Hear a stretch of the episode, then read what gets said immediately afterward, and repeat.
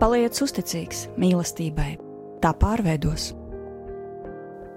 Jēzus saka, mīliet cits citu. Paliec uzticīgs mīlestībai, tā pārveidos. Raidījums mīlestības terapija ir saruna par sevi, dzīvi un mīlestību. Un šo raidījumu vada kristīgi psihologi Ina Grasmane un Marks Jērmaks.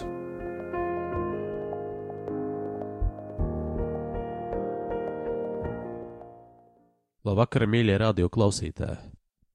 Labvakar! Šodien mēs jums piedāvājam pārdomāt kopā tādu tēmu kā agresija un agresīva cilvēka psiholoģija. Jā, un es kā vienmēr iesākšu ar kādu gadījumu par sievieti, kura piedzīvo ļoti smagas dusmu lēkmes. Un šīs dusmu lēkmes viņa izlādē pret saviem bērniem. Un pati viņa par to ļoti pārdzīvo, un tādēļ viņa arī atnāca uz terapiju. Un viņa stāsta, ka dusmu lēkmes nāk ārā no viņas kā tāds viesulis, un sieviete nespēja to nekādā veidā nokontrolēt. Tāda smaga naida jūtas izgāžās pār viņas bērniem, un tad, kad tā dusmu lēkme ir beigusies, sieviete it kā atmostās, un tad viņai ļoti žēl par to, kas ir noticis. Viņa lūdz bērniem piedošanu, raud, Viņa kļūst dzīva, bet dusmu brīdī viņa it kā ir cita, tā kā cits cilvēks dzīvot viņā, tāds augsts, cietsirdīgs, nepieejams, kurš grib izmest eh, no savas dzīves, izgriezt šos bērnus. Un terapeitisku sarunu rezultātā mēs runājāmies par sievietes ģimeni, par viņas dzīvi, šī sieviete pastāstīja, ka viņa kā meitene augus blakus tēvam, kurā mājoja it kā divi cilvēki.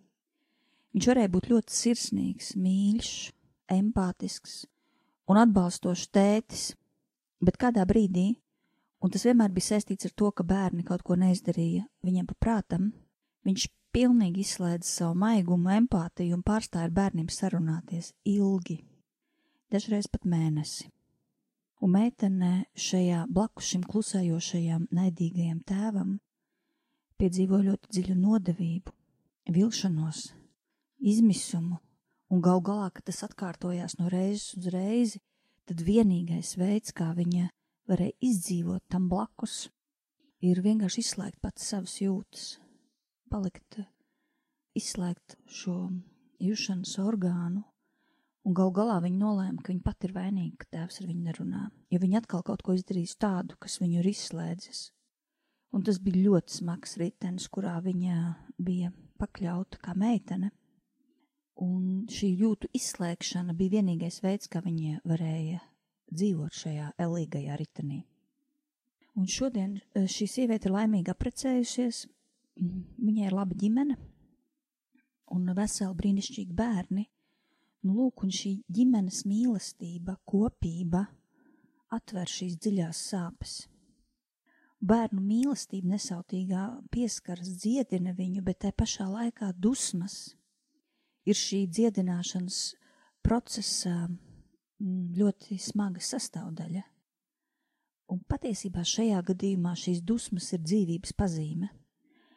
Tas ir um, kā kad cilvēkam kāds ķermenis ir paralizēts, piemēram, insulta gadījumā, tad pirms šis ķermenis atgūst, ķermeņa daļa atgūst spēju kustēties, viņa ārkārtīgi sāp. Cilvēki pārdzīvo ļoti dziļas fiziskas sāpes, Bet cilvēki, kurš grib kustēties, viņi ir priecīgi par šīm sāpēm, jo viņi zina, tad viņi varēs kustēties.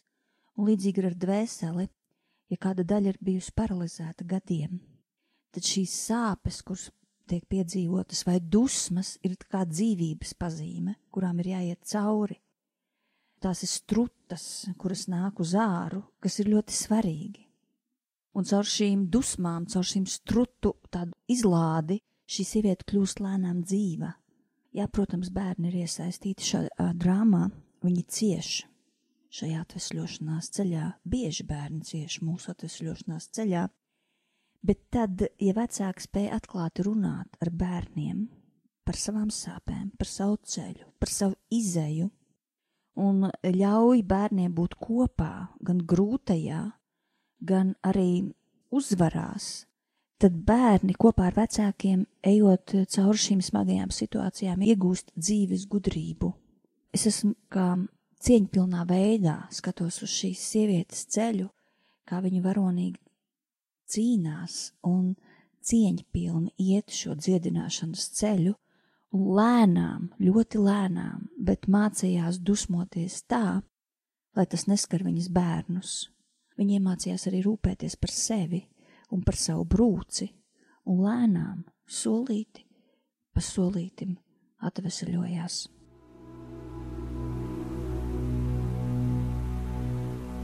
Ooh.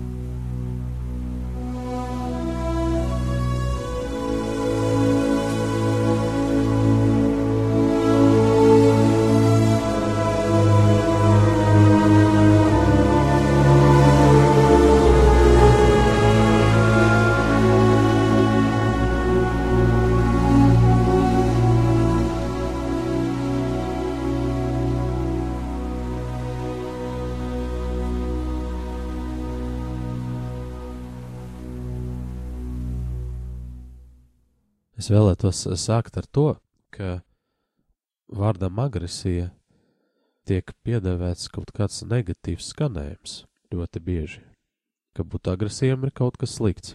Un tas varbūt it īpaši raksturīgs eh, kristīgā vidē, jo mēs esam aicināti būt par mīlošiem cilvēkiem, pieņēmošiem, piedodošiem un tā tālāk. Bet vai tas izslēdz agresīvu, agresivitāti? Vai kādreiz esat aizdomājušies par to, kas ir pretstats agresijai? Tīri leksiski tā ir depresija. Pretstats agresija nav mīlestība un pieņemšana, jo mīlestība neizslēdz agresiju. Ja es kādu mīlu, ja es kaut ko mīlu, tad citreiz agresija nodara, lai šīs vērtības aizstāvētu. Citreiz agresija nodara tām, lai cilvēks varētu augt, no sašutuma un dusmām. Daudzi cilvēki ir darījuši brīnišķīgas lietas, varonīgas lietas. Agresija, dusmu spēks cilvēkam ir dots kaut vai tam dēļ, lai apzinātos sevi un apzinātos savas robežas.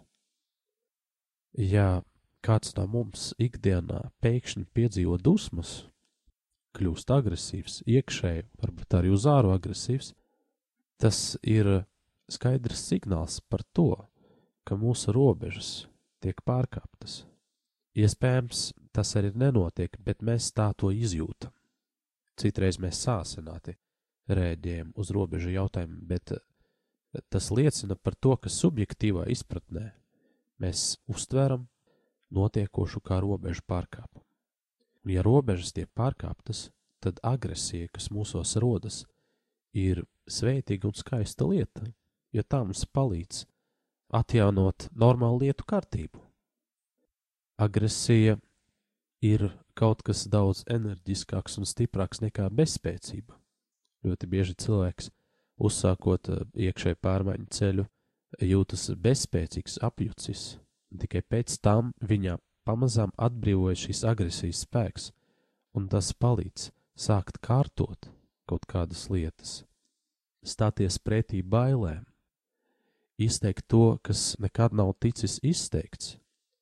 Piemēram, ja mums nav pieredzes runāt par savām vajadzībām, tad, eh, lai sāktu to darīt, ir vajadzīga drosme, bet ir vajadzīga arī agresijas deva.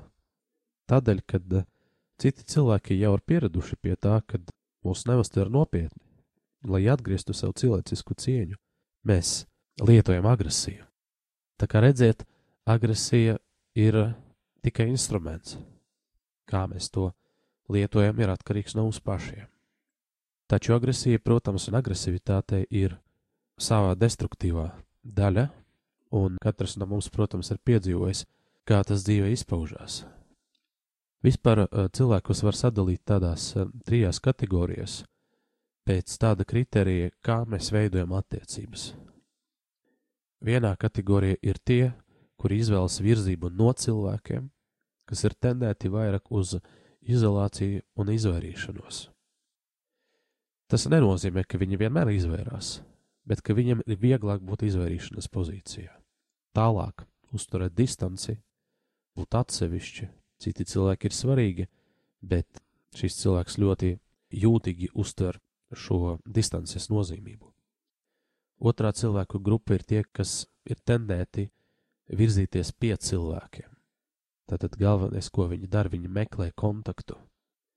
Viņi ir ļoti atverti kontaktiem bet uh, līdz ar to pastāv bīstamība, ka viņi var saplūst, ka viņi var taisni pārlauzt uh, otra cilvēka robežas, bet uh, atkal, nu, labā nozīmē viņi ir atverti, atverti attiecībām, bet pastāv arī treša cilvēka grupa, kuru virzība ir pret cilvēkiem. Un es šeit negribu to skatīt nekādā no nu, morālā kontekstā, jo tas nav mans darbs, un uh, es šeit nejūtos uh, kompetents, bet tīri psiholoģiski ir jāatzīst, ka pastāv liela cilvēku daļa, kuru tas galvenais attiecību patērns, jeb, jeb mehānisms, kā viņi veido attiecības, ir cīņa, konfrontācija, agresija un virzība taisni pret cilvēkiem. Tie ir tie, kas, no kā šis patērns ir atkarīgs, pie kuras grupas mēs piedarām, Par to var diskutēt. Da daļai tas ir iedzimts, daļai tas ir saistīts ar agrīnu bērnības pieredzi. Tiem cilvēkiem, kuriem agresija, cīņa, virzība pret cilvēkiem ir kļuvusi par rakstura pamatu, personības fundamentu, visdrīzāk tā ir saistīta ar ļoti smagu agrīnas bērnības pieredzi. Ir autori, kas norāda uz to, ka šie cilvēki vēl kā zīdēņi tikuši pamesti netika adekvāti aprūpēti, ka viņam blakus nav bijis neviens adekvāts pieaugušais. Šiem bērniem bija kaut kā jāiemācās kaut ko darīt ar savu enerģiju, ar savu spēku iekšējo, un viņi mācās izdzīvot caur dominēšanu, caur cīņu. Tas ir nepieciešams, lai pielāgotos tādiem apstākļiem, kas viņam dzīvē ir doti. Kā pieaugušie, tādi cilvēki baidās no sirsnīgām attiecībām, bet citi cilvēki viņam ir vajadzīgi. Ko mēs darām, ja mums ir bail mīlēt? Mēs kontrolējam. Viņi veido attiecības, kas ir balstītas uz dominēšanas pamata, uz kontrolas pamata. Kurā vidē, kur viņi nonāk, viņam ir ļoti svarīgi gūt varu, jo iekšēji subjektīvi viņi to izdzīvo kā drošības jautājumu. Ja es nekontrolēju, ja man nav varas par šiem cilvēkiem, par to, kas šeit notiek. Es jūtos tik apdraudēts, ka es piedzīvoju psihiskas sabrukuma briesmas. Tas ir kaut kas tāds, ko grūti izteikt vārdos, bet tā ir daudzu cilvēku realitāte. Saskaroties ar šādiem cilvēkiem, mēs varam justies iztukšoti, mums var būt sajūta, ka mūs izmanto, ka ar mums manipulē, ka mēs esam tikai līdzeklis, bet uh, ir svarīgi arī ar izpratni pieiet šo cilvēku ievainojumam. Kāpēc šis cilvēks pašā savā dabā, savā rakstura pamatā ir kļuvis uh, agresīvs cīnītājs? Kā jau minēju, tas bija vienīgais veids, kā viņš varēja izdzīvot. Bet šo tā tēlēni plesoņas enerģiju var izmantot arī labu mērķu sasniegšanai. Piemēram, ja mēs paskatītos uz slavenībām, uz, uz, uz politiķiem, uz līderiem, dažnet dažādiem, uz sportistiem, tad mēs viņu starpā atradīsim daudz tādu cilvēku, kuru tas attiecību patērns ir cīņa, vāra un virzība pret. Un šīs agresijas spēks, jo viņam ir agresijas daudz vairāk nekā varbūt vidēji, viņam palīdz uh, gūt tos panākumus, un viņam palīdz vadīt, un viņam palīdz uh, likt lietā šos talantus. Bet uh, tādus pašus cilvēkus, daudz vairāk nekā vidēji, mēs varam satikt, piemēram, starp kriminālām aprindām.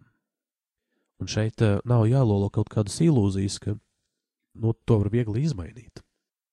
Tiešām pastāv tāda cilvēku kategorija, ko tādā profesionālā valodā mēs saucam par psihopātiem vai par sociopātiem, un tas ir tāds cilvēks, kurš manipulē, kurš dominē, kurš dara to apzināti. Tāpēc, ka nav cita veida, kā viņš mācētu izdzīvot, viņam šīs veids nav pieejams. Tāpat arī ar ko daudz var, varējām saskarties, un tas, ko ļoti bieži darām paši, ir pasīva agresija kad es tiešā veidā nepaužu savu agresivitāti, savu neapmierinātību, savu, savas dusmas, pretošanos, bet daru to pastarpinātā veidā. Piemēram, kavējot, aizmirstot, nepildot vienošanos un tā tālāk. Izraisot dusmas citos cilvēkos man apkārt, bet parasti šis cilvēks pats jūtas eh, tāds bez vainas un eh, lielā neizpratne, kāpēc uz viņu dusmojas.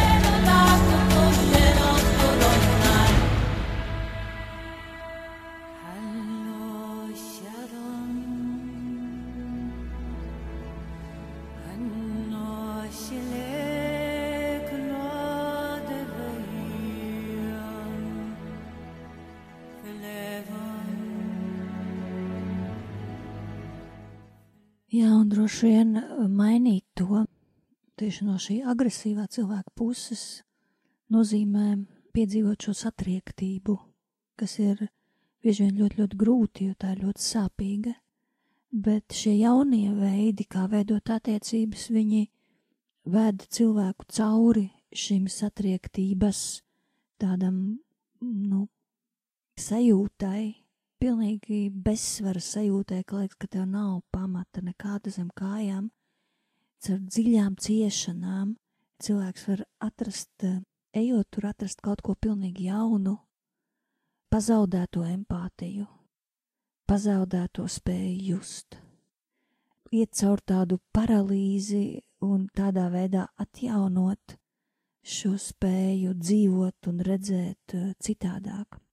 Savukārt no otras puses, tad, ja iznāk blakus dzīvot šādai agresijai, īpaši ģimenē, ir svarīgi dot kā citu precedentu.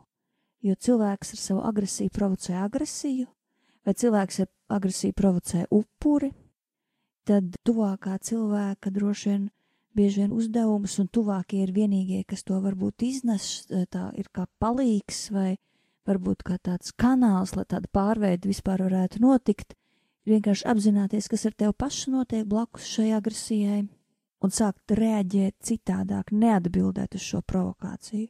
Ja tiek provocēts naids, tad tu neatbild uz šo naidu, bet taisn otrādi dod cilvēkiem pretēju vēsti, kad es esmu blakus tev, es eh, neatstāšu tevi, ja cilvēks provocē tieši šo atstumtību, tā kā dot pretēju vēsti, un bieži vien tad arī, uh, kad tu reaģē uz šīm sāpinātajām jūtām, cilvēks arī nomierinās. Iestāties kontaktā ar jūtām, ne tik daudz ar šo agresiju, attiecībās tā varbūt ir tāda izēja, bet savukārt uh, mums katram pašam ir noteikti jāiemācās strādāt ar savu agresiju. Katram mums viņa ir tādā vai šādā līmenī, un tam ir jābūt tā un tas ir ļoti svarīgi. Protams, jāiemācās nošķirt, kur agresija ir par labu man, manai dzīvē, un kur tā darbojas kā graujošs spēks. Un tad, kā šīs sievietes eh, gadījumā, kad viņai redzēja, ka tas ir graujoši darbojas uz viņas bērniem, tad ir jāmācās ar agresiju strādāt. Agresiju kaut kā izlādēt citādākā veidā, agresijai ir tāda daba, viņa tā neiznāk mierīgi runājot. Viņai ir jāizsprāgst, vienalga viņai ir jāizsprāgst, un ja viņa nesprāgst uz cilvēku, tad tev jāatrod vieta, kur spridzināt. Un katrs cilvēks spridzina savādāk. Cits sit ar dūrēm spilvenā, cits kliedz, cits uh, met ar mālu pret sienu. Tāda jau ļoti terapeitiska izlāde. Citam vajag plēst traukus, Man, piemēram, pagrabā ir, es visiem saku, nesiet traukus, kurus jums nevajag. Es dažiem klientiem ļauju sist, plēst traukus. Tas ir eh, labāk nekā dusmoties uz saviem tuvākajiem. Tas ir eh, ļoti cieņpilns ir eh, ceļš un cilvēks, kurš meklē savai agresijai izlādi kaut kādā pareizā veidā. Īpaši tā agresija ir veca ja viņa ir sastāvējusies, jo viņa ir jānāk ārā, viņa ir jāizspridzina, citādāk viņa neatkāpjas. Tāpat es domāju, ļoti būtiski apzināties, ka, ka agresija nu, ir kā enerģijas lādiņš. Un, ja šī enerģija netiek izlietota konstruktīvā veidā, tad tas pārvēršas par to, ko mēs nu, varam, varam, varam saukt par sliktu agresiju. Ko es ar to domāju? ja cilvēks nerealizē savus talantus, to, kas viņam ir dots, uz ko viņam ir aicinājums, tas ļoti bieži pārvēršas tādā agresivitātē, dusmās, neapmierinātība, kurnēšana. Tas viss ir agresija. Un šajā ziņā ļoti var palīdzēt tas, ja cilvēks tiešām dara to, kam viņš ir aicināts. Tāpat arī no, tīri, no praktiskā viedokļa palīdz fizisks darbs palīdz fiziskā aktivitāte, palīdz māksla, palīdz jebkas tāds, ko es varu darīt, nevis tikai par to runāt. Un uh, varbūt uh, vēl viena lieta ir tas, ka aiz katram dusmām slēpjas sāpes. Es neaicinu tagad, uh, ja jums blakus ir uh, dziļi agresīvs cilvēks, meklēt šīs sāpes, jo varbūt tas nav jūsu uzdevums. Bet par sevi pašiem mēs varam uzdot jautājumu, jā, es dusmojos, jā, es gribu kaut ko iznīcināt, vai varbūt kādu iznīcināt, bet zem tā ir sāpes. Šis cilvēks vai šī situācija visdrīzāk netīšām ir aizskaris kaut ko tādu, kas man ļoti sāp. Ir svarīgi ar tām sāpēm satikties. To nevar izdarīt tikai ar gribas lēmumu, tas ir process, bet uh, es varu pieņemt lēmumu, ka es gribu uz to iet.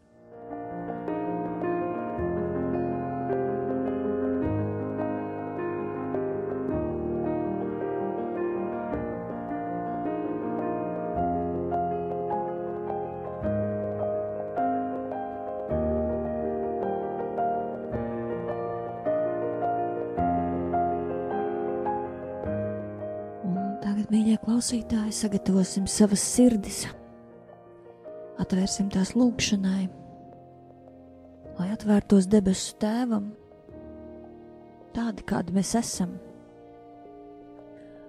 Un, ja šis raidījums atmodināja tevī kādas dusmas, tad esi patiesa pret savu tēti, kurš tev ļoti mīl kuram ir svarīgi drīzāk, kā tu jūties, ne tik daudz svarīgi, kā tu paudi savas jūtas. Viņš grib, lai tu viņam visu uztici. Tādēļ uztici viņam savas dusmas, uztici viņam savus sāpes šovakar. Izstāsti. Man žēl, ka es dusmojos tik daudz. Man žēl. Es gribu citādāk, izvēlēties citādāk atklāja arī viņam savas sāpes, savu brūci, savu aizvainojumu, ievainojumu. Ziniet, kā bērni skrien par katru mazu brūcīti pie mums un saka, ka viņiem sāp, lai mēs papūšam. Tāpat debesu tēvs gaida, ka tu par katru sāpi dosies pie viņa. Stāstīs, raudās, un viņš varēs tevi mierināt. Viņš grib tevi mierināt. Ļauj viņam šodien to darīt ar tevi šajā vakarā.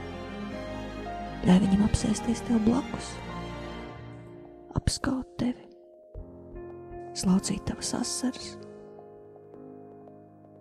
Ļauj viņam būt, un esi tu pats tāds, kāds tu esi. Lai šī satikšanās atnes dziļu dziedināšanu tavai dvēselē un tavam garam. Mīļais debesu Tēvs, mēs eh, šodien lūdzam par, par mums pašiem, protams, par mūsu ģimenēm, par katru klausītāju. Mēs gribam nest Tavu krustu priekšā visu to, kas mūsu dzīvē bija saistīts ar negatīvām agresijas izpausmēm. Visas tās situācijas, kad bijām nobijušies, kad nesapratām, kas notiek visus šos bērnības stāstus, kad mamma kliedz vai tētis kliedz, vai mums bija jānovēro vardarbība, vai tajā negribot jāpiedalās. Visa izsmiešanas, pazemošanas pieredze skolā, citur ārpus mājām, sētā. Visus tos cilvēkus, kas mūs ir sāpinājuši, jo nemācēja lietot savu agresiju, radošumu kaut kam labam. Mēs to visu, kungs, gribam atdot tev, arī to daļu šīs pieredzes, ar kuru neesam kontaktā, ko neatceramies vai ko neesam gatavi atcerēties. To visu mēs saliekam, kungs, tavā krusta pakājē. Dari mūs spējīgus arī savu agresiju pārvērst par kaut ko labu dusmoties auglīgi, produktīvi, tā kā Jēzus, tad, kad tas ir nepieciešams, un tikai tādēļ, lai celtu, lai radītu, lai vienotu, lai agresija pārvēršas par tavu dāvanu. Visu to mēs lūdzam Jēzus Kristus vārdā. Amen! Jūs klausījāties raidījumu Mīlestības terapija Raidījuma ieraksti pieejami internetā mīlestības māja.clv un tavā sirds.com.